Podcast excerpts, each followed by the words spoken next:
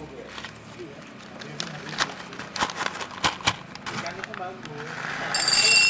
Ikan nggak ada itu juga.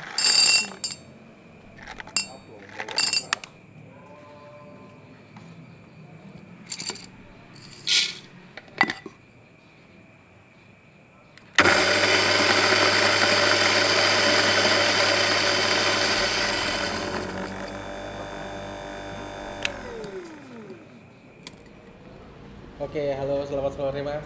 Sore, sore mas. Boleh diperkenalkan diri dulu mas, apa namanya? Saya Reza. Hmm. Eh, kebetulan saya owner di Kopi Ngoceh. Owner dari Kopi Ngoceh. Kopi Ngoceh ini apa sih? Kopi Ngoceh itu sebenarnya singkatan. Heeh. Singkatan itu ngopi receh. Receh. Oh, jadi bukan ngoceh yang bawel gitu. Oh enggak, ngopi receh. Jadi itu sebenarnya temanya uh, juk-juk receh apa kawakan receh. Oke. Jadi kita lihat di luar kan ada Aha. Itu kata-kata tentang kopi tapi dengan kawakan receh gitu. Awalnya di situ sih. Berarti hmm, jok-jok tentang kopi yang receh-receh Ah, gitu, kayak simpelnya gitu. lah gitu. Eh, contohnya apa? seperti eh, kayak gini eh, kopi sebenarnya ketika eh, otak perlu inspirasi kayak gitu Aku lihat di mana-mana sih. iya terus juga eh, kopi nangkau dengan segelas kopi Oke, oke berarti yang kuat-kuat tentang kopi-kopi yang ya banyak banget lah ada di iya mana-mana. ya. Ini mulai dari kapan mas berdirinya Kopi Ngoceh? Eh, di bulan 10 tanggal 18 tahun kemarin Tahun 2020. iya 2012 pas pandemi Oh berarti pas pandemi ya? pas pandemi Itu gimana mulainya itu? Nggak takut gitu? Iya, kalau boleh dibilang sih uh, ide bikin kedai kopi sih udah lumayan lama. Hmm. Lama, cuman karena saya nggak tahu di bidangnya mau mulai dari mana, akhirnya saya mulai dulu nih uh, belajar teman yang sudah paham. Mhm. Nah, dengan itu saya coba uh, kongsi. Nah, kita kongsi, saya tahu uh, manajemennya seperti apa, terus uh, mengelola seperti apa. Akhirnya baru saya coba bikin kedai sendiri. Oh artinya sebelumnya memang waktu punya ide bikin kopi ini kan kenapa tertarik gitu mas? Kan maksudnya bukan bidangnya tadi kan dibilang apa yang bikin tertarik? Ya senang bisnis aja sih. gitu. Senang bisnis, Iya, ya. senang bisnis. Nah, maksudnya kan bisnis lain itu banyak mas. Iya, oh iya. Banyak sih eh, beberapa kayak kayak eh, barbershop, Ah,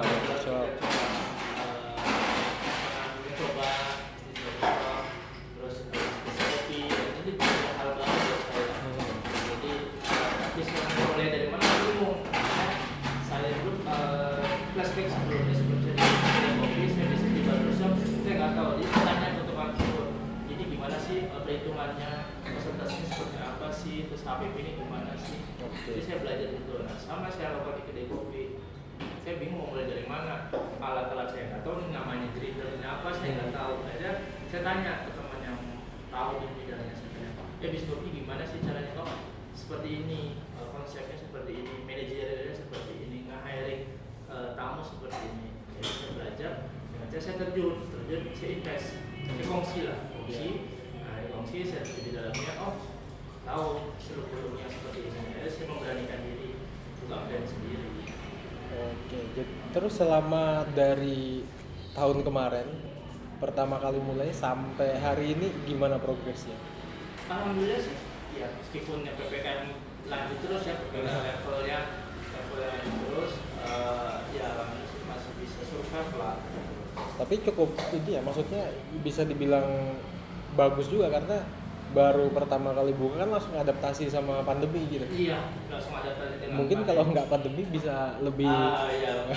ramai daripada bisa, ini sih ya. bisa ini bisa lagi ya dengan pandemi ini kita mengcreate kita bikin konsep seperti apa nih itu dengan saya mengambil tema pewayangan nah Hmm. itu saya mengcreate supaya oh, unik nih kan kemarin-kemarin temanya macam-macam nih tentang percintaan misalnya dengan tema hati lah tema Ya, ini ya. lah ya saya mencoba mengcreate tema Jawa eh, terus tema pewayangan ya tapi ini eh, belum ada mungkin belum ada Ya kalau saya juga baru lihat sih. baru lihat Ah, bahkan baru kepikiran. Oh, tidak kepikirannya? Pas lihat, oh iya ya, ah, ternyata wayang itu ada. Wayang itu Kenapa nggak dijadiin tema? Karena gini mas, kalau kita ngomongin konsep tadi kan kita banyak nih yang uh, konsepnya mungkin maksudnya untuk mendekati anak-anak muda gitu kan Iya. Konsep percintaan yang namanya banyak hati-hatinya gitu. kan nah kalau wayang sendiri memangnya mas pede gitu kalau ini nih bisa masuk ke ranah anak muda gitu? Eh, awalnya sih saya nggak mikirnya oh ini bakal keterima atau enggak ya. Hmm. yang penting eh, bikin aja dulu gitu. Bikin dulu dengan konsep eh, tema. Sebenarnya ini ada cerita unik sih. Sebenarnya apa? gini eh, saya bikin tema ide logo itu eh, waktu itu lagi eh, udah tengah malam sih bikin bikin ide. Jadi saya ambil eh, pensil sama kertas saya bikin eh, tema udah ngoceh itu udah lama saya bikin nama ngoceh terus saya bikin temanya itu gelas sama eh, ada situan kayak orang lagi ngomong. Jadi cuap-cuap gitu. Mhm. jadi ada ngopi receh obrolan receh gitu. Entah kenapa setelah bulan hari eh, waktu itu lagi boomingnya lagu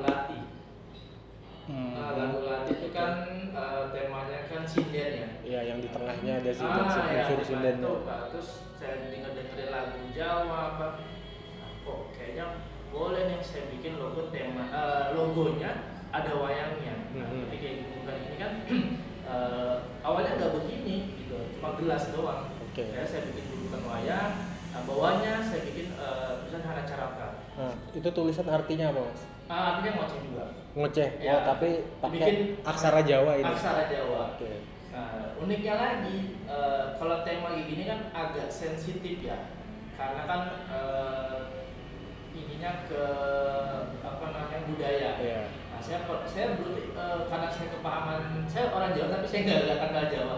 saya coba iseng eh, bikin di Google itu ada translate kan. Hmm. Nah, saya bikin eh, translate ngoceh, eh, bikin deh saya cetak, Oke, bikin eh, bikin notebook eh, besar, bikin cetak semua gelas, udah bikin ternyata ada DM masuk dikritik.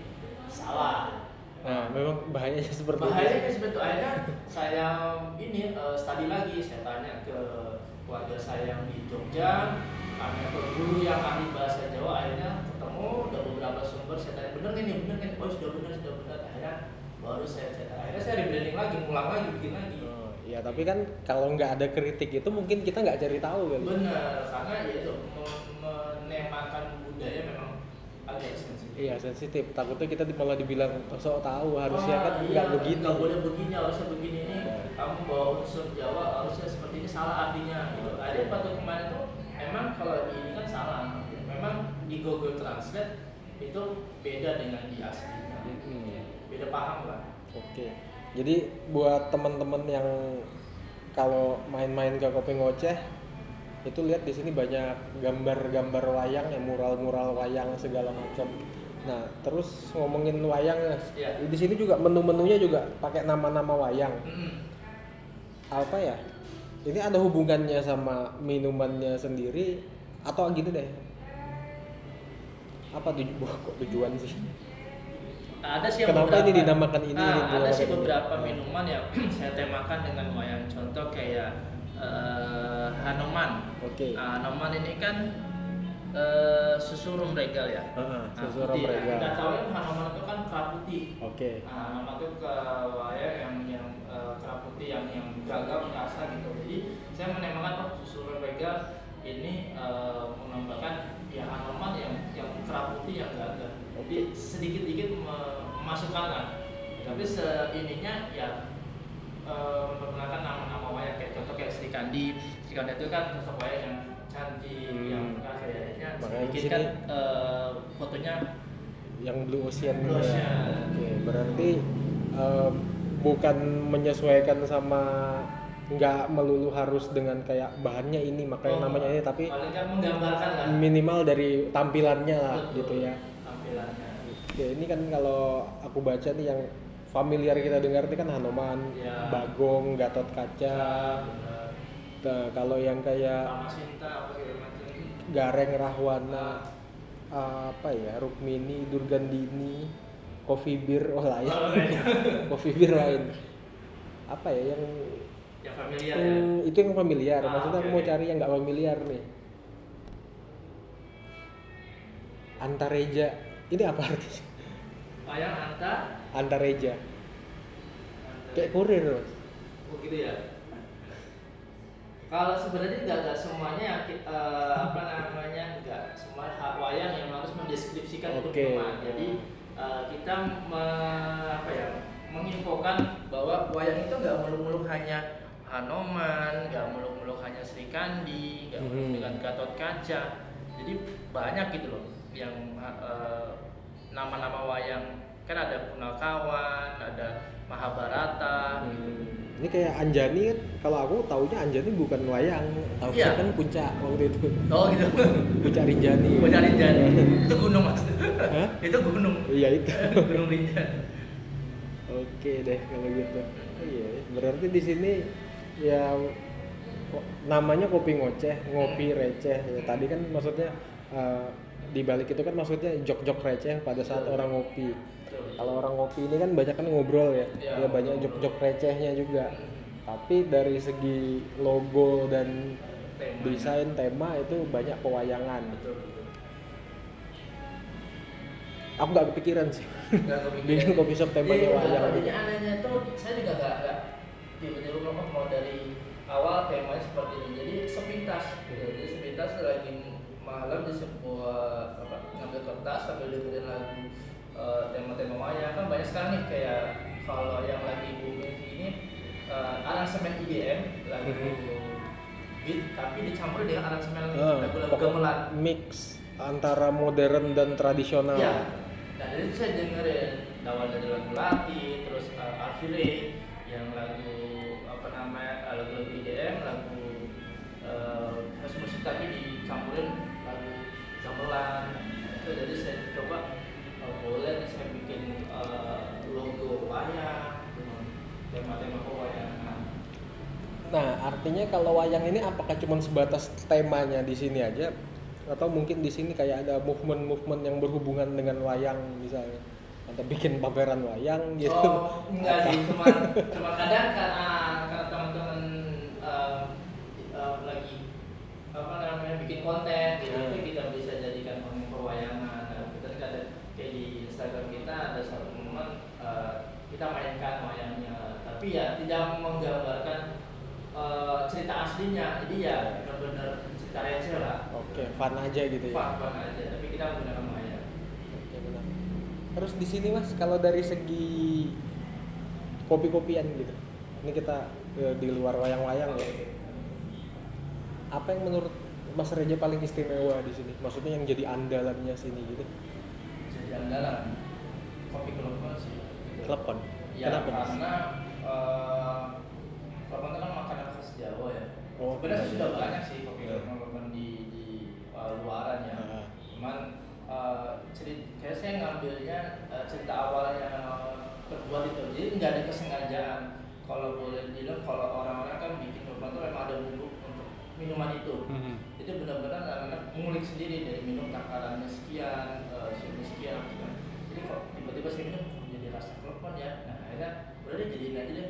Jadiin aja. Artinya kleponnya ini bukan yang benar-benar udah. Jadi bubuknya kita buat. Ah. Nah, enggak, jadi benar-benar tanpa disengaja terus kok ini kayak kelebihan sirupnya deh kok Hmm. malah jadi kayak klepon ya akhirnya oh iya boleh dijadikan menu Berarti bisa dibilang kleponnya itu memang dari tangan-tangan barista di sini iya sendiri ya. yang boleh dong unsur mungkin ketidaksengajaan atau apa kelebihan atau apa Iya, Tapi itu justru nyambung sama temanya nih. Kalau Iya. tadi dibilang klepon itu makanan Jawa kan, Ah. nah, sedangkan di sini temanya pewayangan. betul Oke, artinya di sini kalau ke sini bisa lah di order kopi klepon biar vibes-nya nyambung sama tema. Eh, iya, udah bagi sambal makan telepon ya. Ya. Eh ngomong-ngomong ada kleponnya nggak? Nah, belum beli belum kayaknya. belum. Gak apa-apa.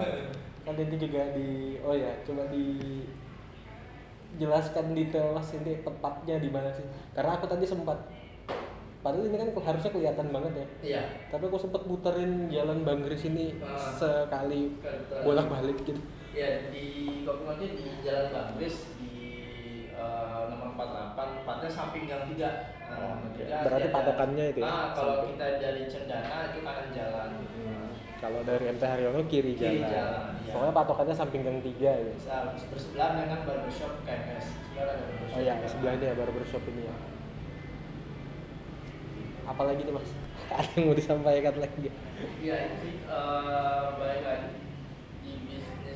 kopi ini ya kita harus eh, apa ya bikin se icon mungkin Nah, karena kan kalau kita sama gitu ya kita nggak ada ciri khas kita punya tema katakan tema percintaan. Ya pada umumnya hampir sama sih semua gitu.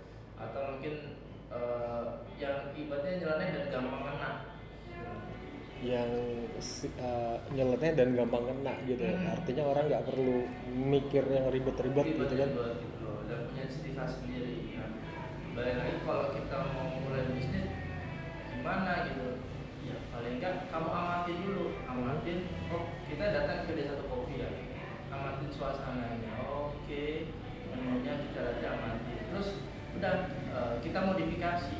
Gitu. kita modifikasi sendiri caranya oh misalnya dia bikin kopi eh, susu-susuan. Hmm. tinggal kita mungkin gimana cara modifikasi ya mungkin kita kalau kita tidak eh, ahli di bidang kopi paling kita hiring barista yang pandai yang satu visi dengan kita. Oke. Nah, jadi kita amati kita modifikasi kita tiru. Artinya gini mas.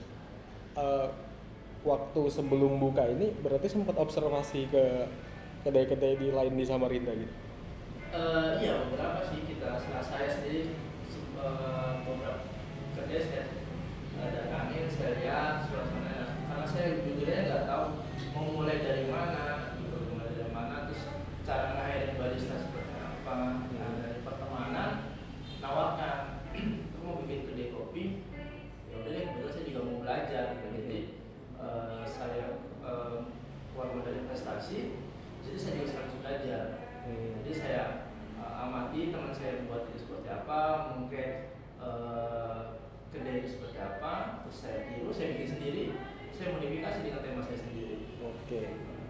belajarnya di mana kemarin?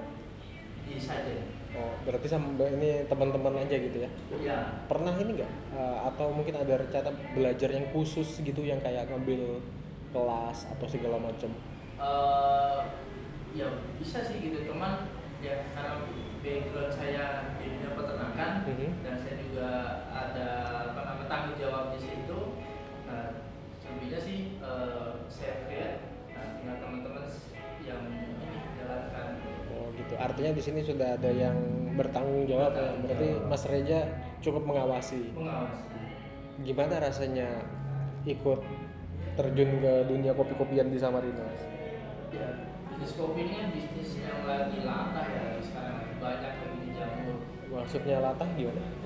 Sem- lagi latah tuh lagi satu bikin kopi kopi terus belajar bikin kopi beda boleh deh. Tapi mereka nggak tahu nih mau bikinnya itu eh, dengan konsep seperti apa? Pokoknya bikin aja Mm-mm. gitu nanti palingnya kalau pertemanan apa. Tapi nggak tahu mau modelnya seperti apa. Yang mana itu seperti apa. Kadang kita bikin kedai kopi oke sekali dari kedua kali datang. Tapi itu udah hanya sebatas nongkrong tapi tidak tahu itu eh, ini nggak apa namanya berkesan atau apa. Hmm. kita mau kedai katakan ke A temanya eh, musik rock gitu ya bosan nih terus deh gitu loh artinya berarti tema itu berpengaruh. menurut Mas Reja berpengaruh. Berpengaruh. Nah terus yang kira-kira bikin orang katakanlah gini kasusnya seperti ini. Eh, kita belum pernah ke kedai ini. Kebetulan kita lewat. Apa kira-kira yang bikin kita tertarik untuk pergi ke tempat itu? Eh, dari sekelas awal kan lihat- pasti orang lihat aja penampakannya kan. Oke, Dari penampilannya ya. dulu. Eh, penampakannya ya anak-anak Instagramable ya. Mhm. Dikit buat eh, selfie foto. Ya, kita buat se-icon mungkin. Paling nggak dia lewat itu noleh gitu. Apa Oke. ini? Akhirnya eh, dengan rasa penasaran coba masuk, Coba masuk. icipin gitu. setelah mencoba masuk gimana caranya eh, minimal nahan dia atau gimana cara supaya besok dia mau ke sini lagi Iya, dengan teman-teman di barista atau teman-teman kan ada eh, caranya eh, manajemen eh, manajemen customer ya, Ah. manajemen customer itu supaya baik lagi itu seperti apa sih? sebenarnya? Itu boleh dijelasin nggak detailnya seperti apa maksudnya ya, paling simpel-simpel secara aja lah Gini deh, misalnya tamu kita sapa, Hmm. lekat, mau minum apa, minum kopi yang seperti apa, mau yang strong atau soft. Ya, paling enggak eh, tamu itu eh, merasa teredukasi gitu. intinya kembalinya ke service kan ya Servis, ya, ya, ke servis. oke soalnya kadang-kadang kalau saya nih mas melihat satu kedai gitu Iya. kita lewatin aja dulu Hmm. bolak balik bolak balik kalau kita nggak ke situ kan nanti kita nggak tertarik kan Iya. itu kan padahal bisa aja mungkin di dalamnya ada sesuatu yang menarik Betul. artinya kan memang tampilan luar itu bisa dibilang penting gitu penting kalau kita bikin brand yang semenarik mungkin eh, paling nggak orang lewat tuh noleh gitu apa Iya. sih gitu karena kan ya mungkin kita ada produk unggulan di dalamnya gitu kan. Tapi orang nggak bakal tahu karena dia nggak belum masuk. karena dia nggak masuk. Nah gimana caranya supaya dia masuk? Oke sih itu sih menarik sih. Mungkin banyak juga kan yang kita lihat di Samarinda ini dari beberapa tahun belakangan sampai hari ini. Buka tutup. Nanti Iya. muncul lagi yang baru. Buka lagi tutup. Kira-kira kenapa itu mas begitu ya dari mungkin dari ini ya pola dari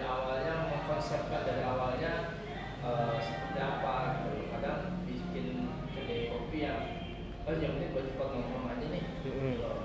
ya tapi di situasi pandemi kayak gini kan ya berpengaruh ya. Pengaruh sekali dari eh, masukan dari eh, tamu yang datang apalagi pembatasan pembatasan itu sangat sangat berpengaruh sih. Nah, paling kita menyiasatinya seperti apa supaya bisnis itu nggak tutup.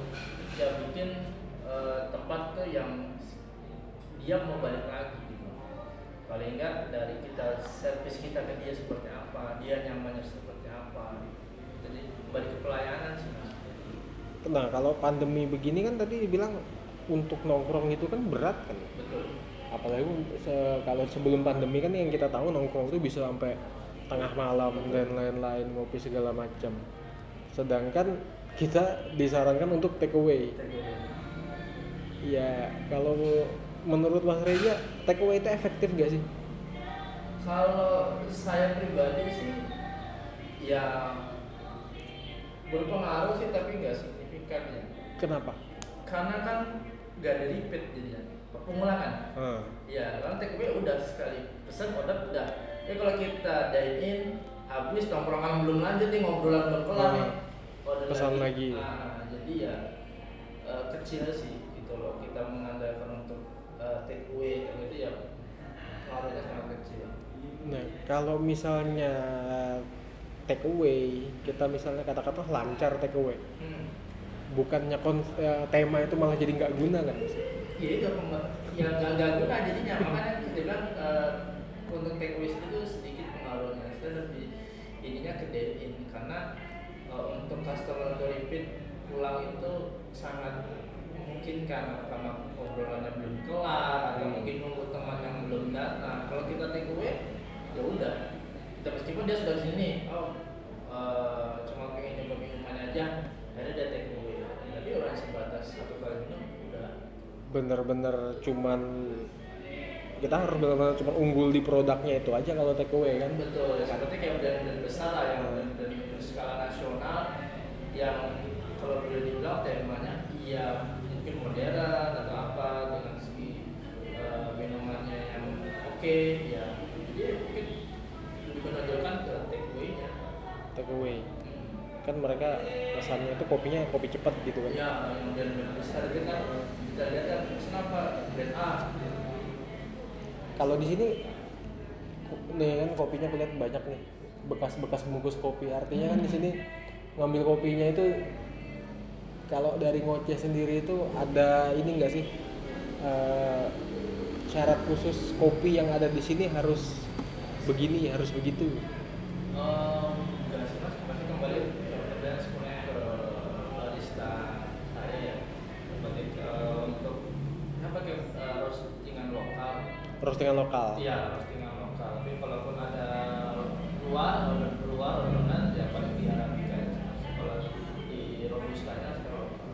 robustanya artinya kalau robustanya pasti roastingan lokal Samarinda. Iya. Nah, kalau untuk manual brew arabikanya ya Iya, iya beberapa explore lah ya Iya, ke mana-mana. iya.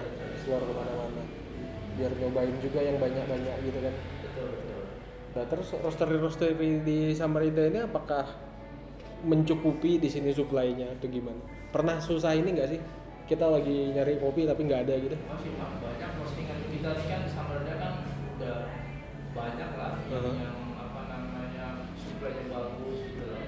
Jadi kalau kalau bilang kekosongan itu saya rasa kecil kemungkinan kosong. Ada terus ya? Ah, ada terus. emang udah lumayan banyak udah mulai banyak postingan. Dan satu roastery aja produksinya juga bisa dibilang banyak sih. Betul, kalau untuk banyak. mikro roastery gitu kan. Banyak. Pernah ngambil dari mana aja? Kalau lokal ya lokal kita paling banyak di Anggata. Anggata. Anggata Ponus terus apa lagi ya saya mau apa sih karena semuanya ke Edbar semua yang ini. berarti yang familiar itu Anggata Konus gitu iya. ya. Nah, Konus kan deket nih Iya. Anggata kan jauh tuh di sana mas ya kok mau karena diantar oh, iya. siapa yang nganter Bang Bertus oh Bertusnya sendiri iya mau repot-repot dia Oh, iya hujan-hujan membadai ayo aja Iya. Bertus Enggak, Anggata terakhir saya ke sana tuh belum kelar-kelar atau bikin jalan masuk? Iya. Iya.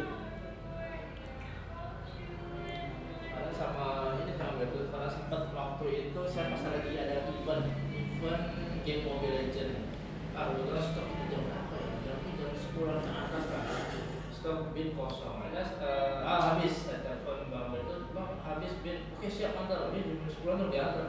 Wih, jualan banget sih ada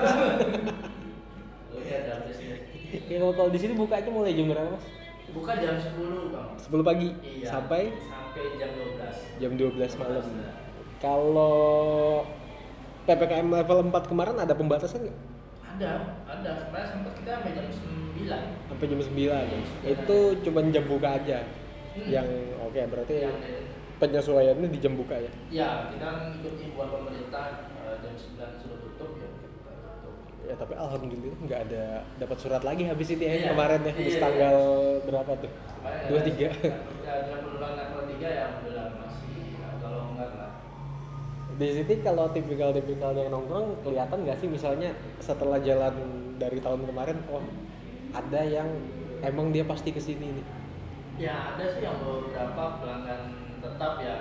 Gitu seperti selepas kita bikin event Mobile Legends kemarin ya beberapa gamers escape di sini. Oke basecamp di sini. Jadi ada nggak yang nongkrong sampai pagi gitu mas? Kayaknya nggak ada Nggak ada ya? sampai sampai eh, lewat tengah malam gitu ya. Ya karena juga ini kan kita di lingkungan pemukiman kan. Jadi kita mengondisikan ya palingnya jam satu paling lambat sudah sudah closing sih mas. Artinya dari segi eh, areanya sendiri yang bikin hal itu nggak terjadi gitu Iya, ya, nongkrong sampai kita, pagi. kita memang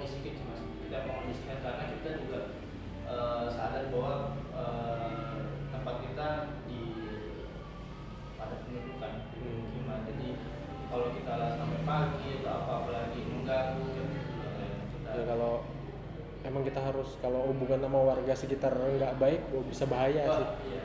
satu gesekan nanti timbul gesekan baru lagi malah kita yang gak enak kan apa ini eh, cara-cara yang dilakukan? Kayak kan karena kadang-kadang itu agak sulit mas. Hmm. misalnya yang kita udah tutup tapi orang masih nongkrong lama gitu pernah langsung negur langsung gitu nggak sih? Eh, ya paling cara halusnya gini eh,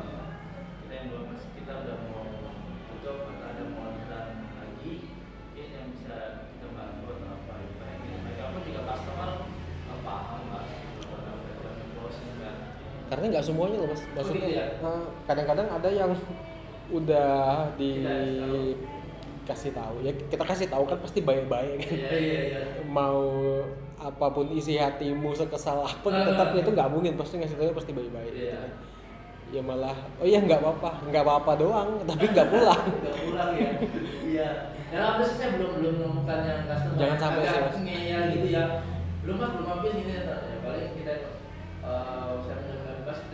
ya ada lagi ya ya sepuluh menit lagi ya. Apa kita kita tungguin gitu loh paling lihat kita sudah simpul simpul atau akan-akan ya mereka paham.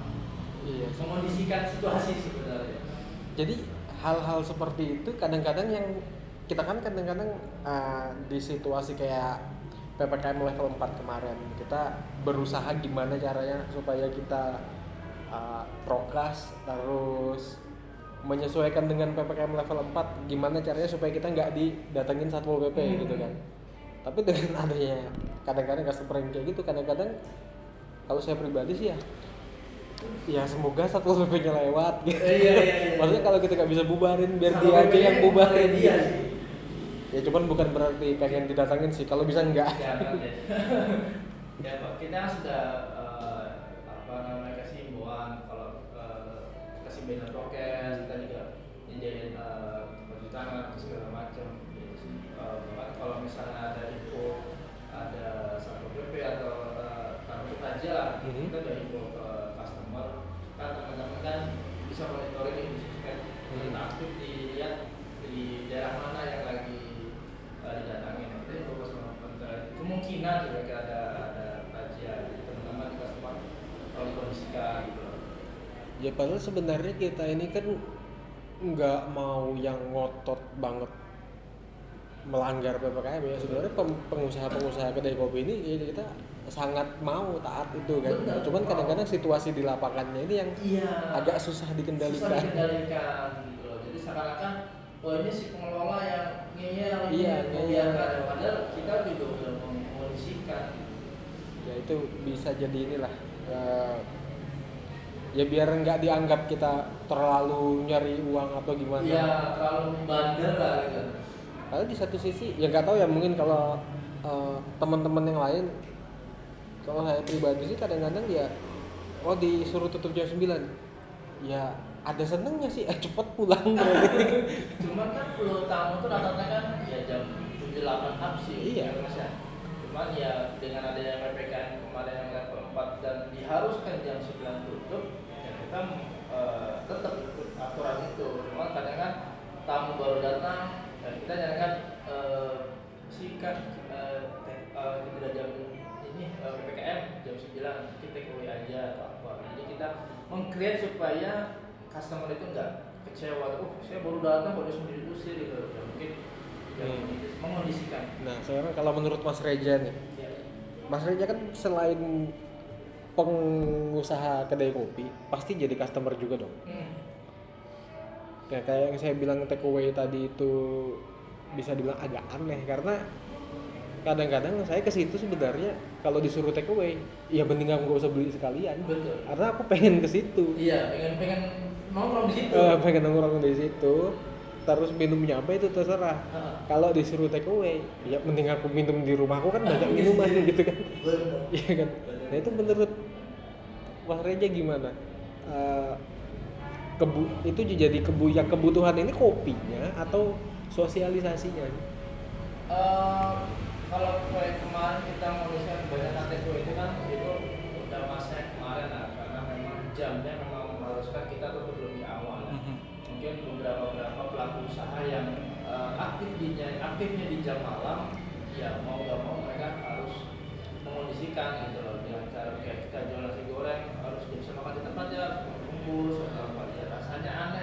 kurang gimana gitu kita makan atau di angkringan lah yang apalagi kalau yang kuah-kuah gitu kan Nah, ini kurang kurang gak enak banget makan di rumah, Iya. bungkus gitu, main makan di tempatnya. Kembali lagi ke kedai kopi, ya saat ini alhamdulillah ya eh, DNI itu udah mulai mulai boleh gitu loh. Jadi kalau di suasana ya memang harus membuat supaya customer ini nyaman di tempat kita, bisa kembali lagi. Ya kalau yang harus take away, ya mending di, di luar aja gitu, mending di GoFood kayak iya Karena ngapain dia mau datang mau nongkrong gitu.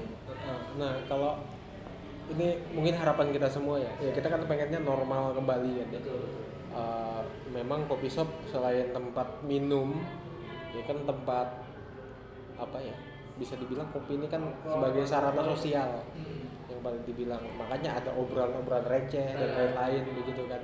Ya mungkin kalau dia take away ya di rumahnya dia nggak bisa bahas wayang gitu kalau dia duduk di sini kemudian melihat ya mungkin sama temennya dia bisa bahas wayang dan lain-lain. Atau apa pun itulah. Eh, kan harapan kita semoga kembali normal. Ya kita kita harapkan suasana di pandemi ini udah mulai normal sekarang kegiatan-kegiatan. Kalau menurut Mas Reja nih sebenarnya katakanlah pandemi ini belum selesai gitu kan.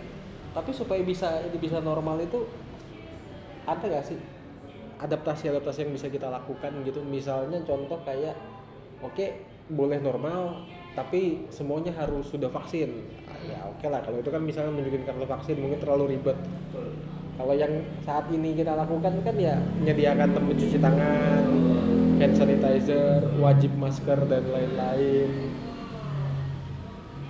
Selain itu ada cara lain nggak sih kira-kira biar kembali normal? Ya kita ikuti lah anjuran pemerintah kan, eh, anjuran pemerintah eh, untuk paling nggak supaya safety gunakan masker, jaga jarak. Kita pun supaya di era, normal lagi ya kita ikutin. Bahkan kalau customer lupa bawa eh, masker pun ya kita sediain. Misalnya, misalnya dia datang nih ada masker, kan eh, apa namanya?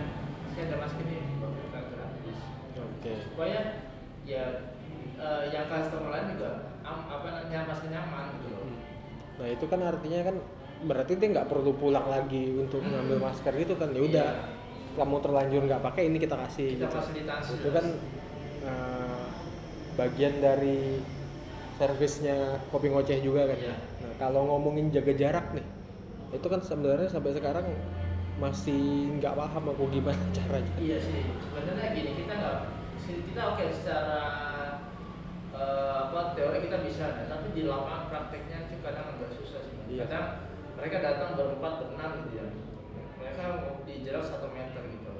Ya, mereka kan agak susah jadi untuk, untuk komunikasi, untuk ngobrol gitu agak jaga jauh-jauhan kan. Nah, ya iya sih balik lagi paling enggak eh, pakai masker Iya, yang paling gampang aja lah dulu kali iya ya. paling gampang itu aja gitu loh cuman kita harus eh, ya kita terlalu frontal serba salah Hmm. nanti kalau misalnya nanti pas apa saya kena razia pas lagi crowded crowdednya kita yang kena Hmm.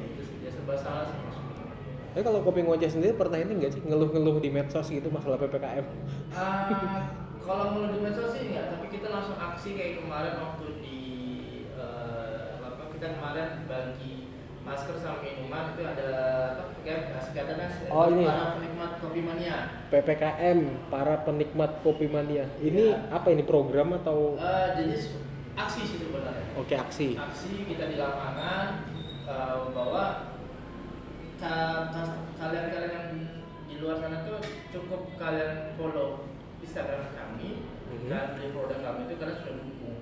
Oh gitu. Nah, Berarti jadi kita aksi berbagi masker sama berbagi eh, minuman eh, bahwa kita berkeluh kesahnya kita lagi terpuruk nih. Mhm. Ayo eh, sama-sama kita eh, bangun UMKM ini. oke itu bisa dibilang eh, rakyat bantu rakyat gitu. ya. Ah, iya benar. Ya, agak rame tuh hashtagnya di Hashtagnya. Instagram. Artinya kalau tadi kan Mas Reja bilang kalau kalian beli produk di sini itu kalian juga sudah Sudah membantu, support. Iya. sudah support. Artinya berarti ak- aksi ini didanainya itu dari orang-orang yang beli di sini mungkin dipotong sebagian gitu nggak? Eh, enggak, dari pure dari pribadi. Oh, gitu. Dari pribadi kita eh, memang eh, coba buat aksi itu supaya ya paling enggak lihat gitu. Oh, saya kupikir ada kayak program eh, dengan membeli satu gelas kopi itu Kita ada sekian. Nah, kalau Ah, dari kita sih oke. kalau enggak. Memang pure eh, dari keuntungan kita eh, kita buatkan aksi itu kita berbagi masker, kita berbagi minuman. Mhm. Jadi paling mm, menginfokan gitu loh bahwa UMKM saat ini pandemi ini lagi susah gitu. Oke. Nah terus di situ tulisannya ngoceh sama Rinda sama dalam kurung kopi sajen. Kok ada kopi sajennya? Ya kebetulan saya di Sajen kan juga eh, ada keterlibatan. Oh. Jadi saya sama saya sama Chandra eh, bikin aksi itu. Jadi saya usul, saya bikin eh, eh, DJ kita bikin ini ya. Alhamdulillah dari DJ-nya eh, mendukung support saya juga buat. Akhirnya dia buat di Simpang Lembus. Oke, berarti ini aksi dari UMKM ya. Ya. Nah, mungkin bisa ditiru sama UMKM UMKM lain. Artinya biarpun kita lagi sulit gitu ya, tapi paling nggak semangat membantunya masih ada. Betul. Ya, kita mau survive sama-sama lah ya. Betul. Oke Mas Reja terima kasih banyak Mas ya. Sama-sama. Ini sudah mulai udah bukan udah mulai sih udah maghrib. Ya. Nanti kapan-kapan kita ngobrol lagi Mas ya. Siap, siap, siap, Iya. Mas. Oke terima kasih Mas Reja. Sama.